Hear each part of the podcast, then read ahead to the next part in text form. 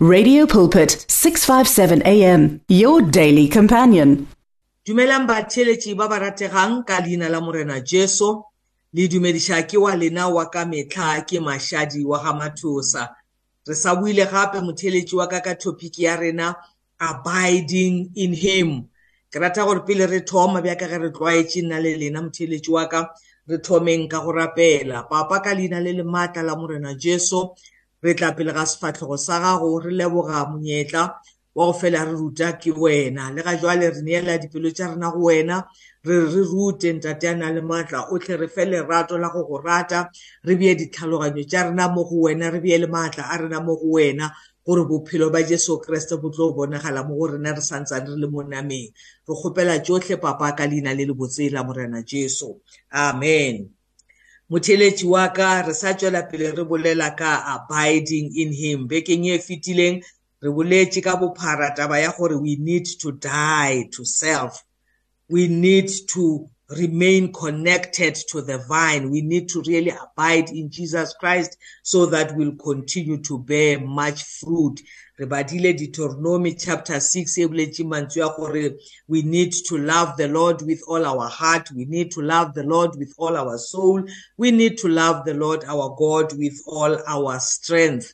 Ya mantswe a tla bušeletša ke morena jesu mo matthew chapter 22 o ka e bala mo go verse 37 mo lentšu la modimo le bolelang gore jesus declared love the lord your god with all your heart with all your soul and with all your mind so motheletši wa ka re fitlhela ke go bea ditholana tše di tshwanetseng bana ba modimo ge re kgona go rata modimo ka yona tsela e lentšu la modimo le tlhalosang ka yona.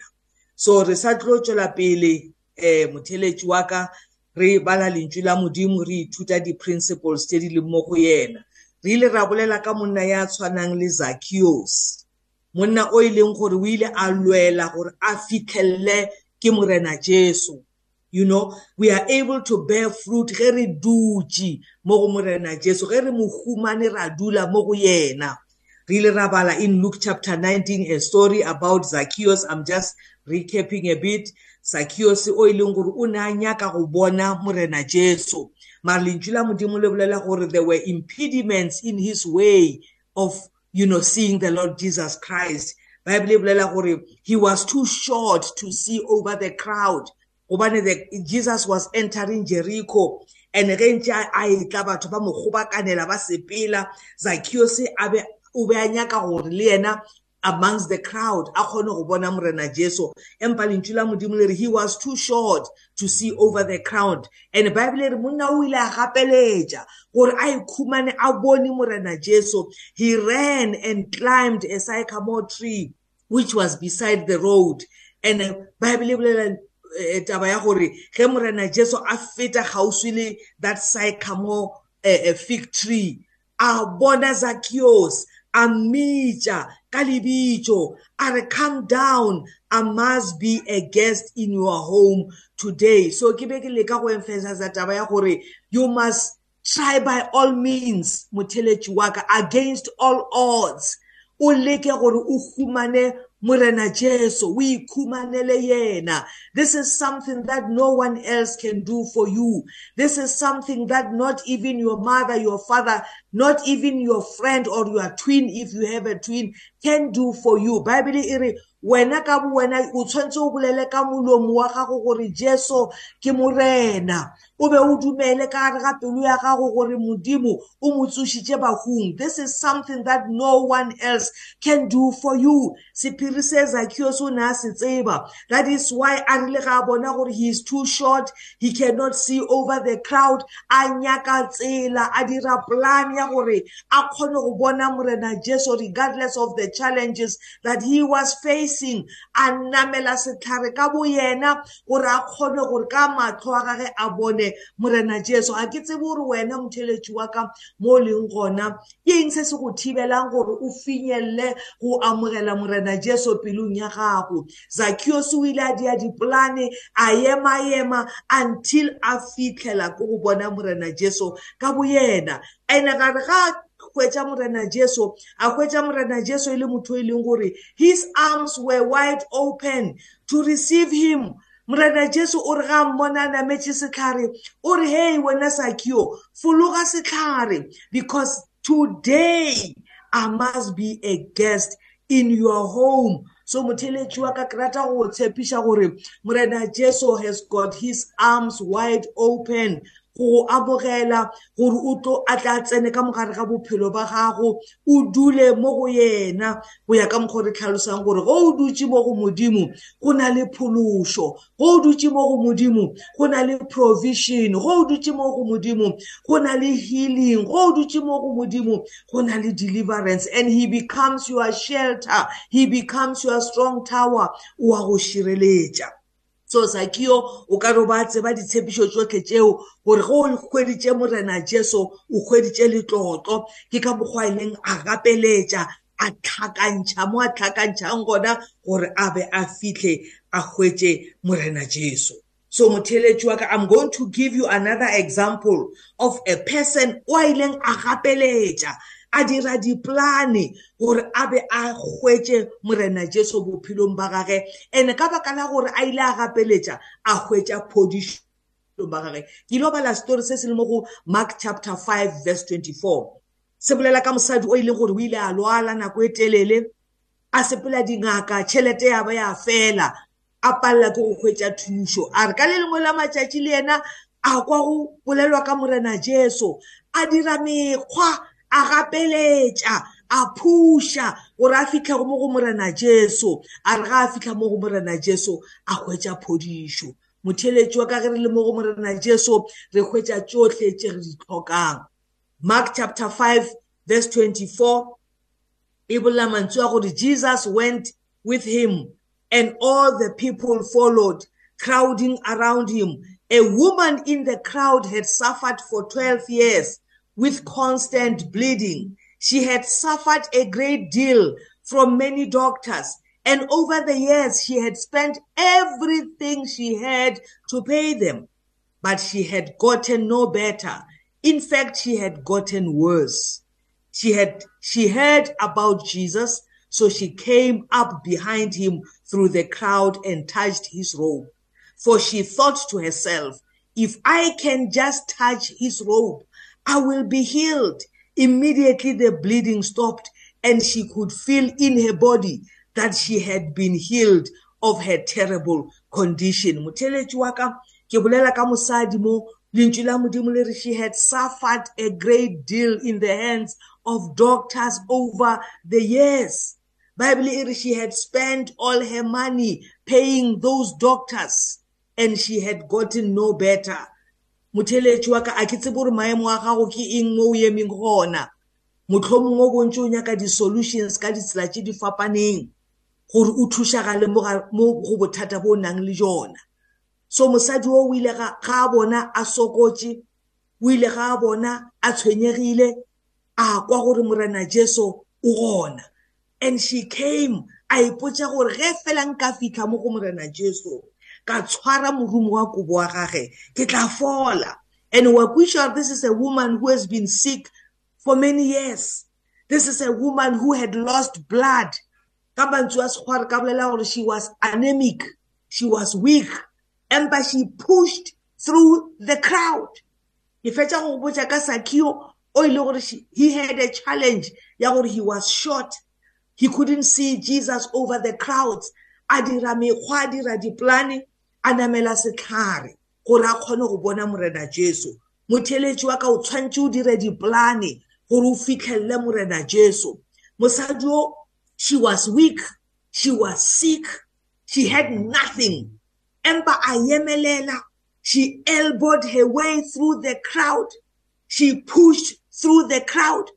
And the bible e re a be a etla mo go morena jesu a fitlha. Mafelelong a fitlha even though there was a challenge ya gore there was a crowd around jesus christ le gore she was weak she was sickly a pusha a re ga a fitlha mo go morena jesu ka tumelo a tshwara morumo wa kobo ya morena jesu. And bible e re immediately the bleeding stopped. Bothata bja mengwaga motheletši wa ka bja fela ka gore a fitlhile mo go morena jesu.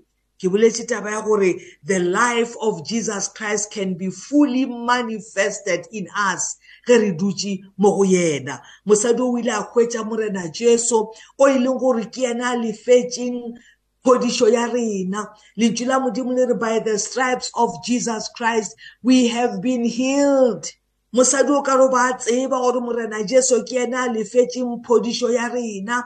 Baebele e re o ile ga a mo swara a fitlha mo go yena a fola. So motheletši wa ka ga ke tsebe gore wena ge o tlile mo go morena jesu ke tše difeng ditlhoko tše modimo a tlo go bonang gore o a di phethagatša bophelong ba gago? Ka letšatši le ke bolela ka mosadi o e leng gore o be a lwala o be a sokotše she was weak she was anemic she had an issue of blood. Empa ka tšatši le o ile ga a tshwara kobo ya morena jesu lentšu la modimo le re immediately the bleeding stopped. So motheletši wa ka ke go tshepiša le wena if you take a decision ya go dula mo go morena jesu ya go ikhumanela morena jesu mathata a gago a tlilo loka. Ke boletše taba ya gore this is not something that anybody else can do for you. Le bona bareri they will not do it for you. Ge o na le motswadi motswadi wa gago cannot do it for you. Ge o na le molekane molekane wa gago cannot do it for you. Ke morena jesu fela o e leng gore will do it for you. So motheletši wa ka i am just encouraging you gore e tla o tlo dula mo go morena jesu. There is another scripture that i want to encourage you with. Mo go luke chapter 18 verse 35 ke monna o a neng e le monna wa sefofu. Bible e re he was sitting by the roadside. And as jesus approached jericho a ke tsena ke eng morena jesu ba rata jericho you know o ba rata this place ka tsela e makatšang le ya gopola gore le zakio kopane le yena a le jericho. So mo go luke chapter 18 from verse 35 re botšiwa ka story sa monna wa sefofu who was sitting by the roadside gona ko jericho. Bible e re when he heard the crowd going by he asked what was happening monna o e be le monna wa sefofu o a neng a dutse ka bodutu mo tseleng. Bible e re o ile a botšiša ga e kwa go rasiwa. A re what is happening? Ba mmotša ba re ke jesu wa nazareta o ya feta. Lentšu la modimo le re ga a sena e kwa gore ke jesu wa nazareta o ka re monna o be a tseba gore ke nnete ge nka dula mo go morena jesu ke tlo hwetša phodišo. O ka re monna o ba ya tseba tabe ke tswelang ke e bolela le wena motheletši wa ka ya gore ge re dutse mo go morena jesu go na le khutso. Ge re dutse mo go morena jesu go na le tšhireletšo ge re dutse mo go morena jesu go na le deliverance. Monna o o ile a gana go kwa ge ba re ke jesu wa nazareta o a feta. Bible e re he called out a re jesus the son of david have mercy on me. Motheletši wa ka bible e re those who led the way they rebuked him. Wa bona gore monna o he was so much challenged. Batho ba ne ba sa nyake gore a fitlhe ko go morena jesu. O rile ga a thoma go gwelela a re jesu kreste wa nazareta nkgaogele. E re people rebuked him. They told him to be quiet. There were challenges in his way ya gore a ya hwetše morena jesu. A ke tsebe gore ko wena mo go wena ke ga kae mo o neng o leka go hwetša morena jesu? Batho ba go discouragea bagwera mohlomongwe batswadi mohlomongwe your mentors.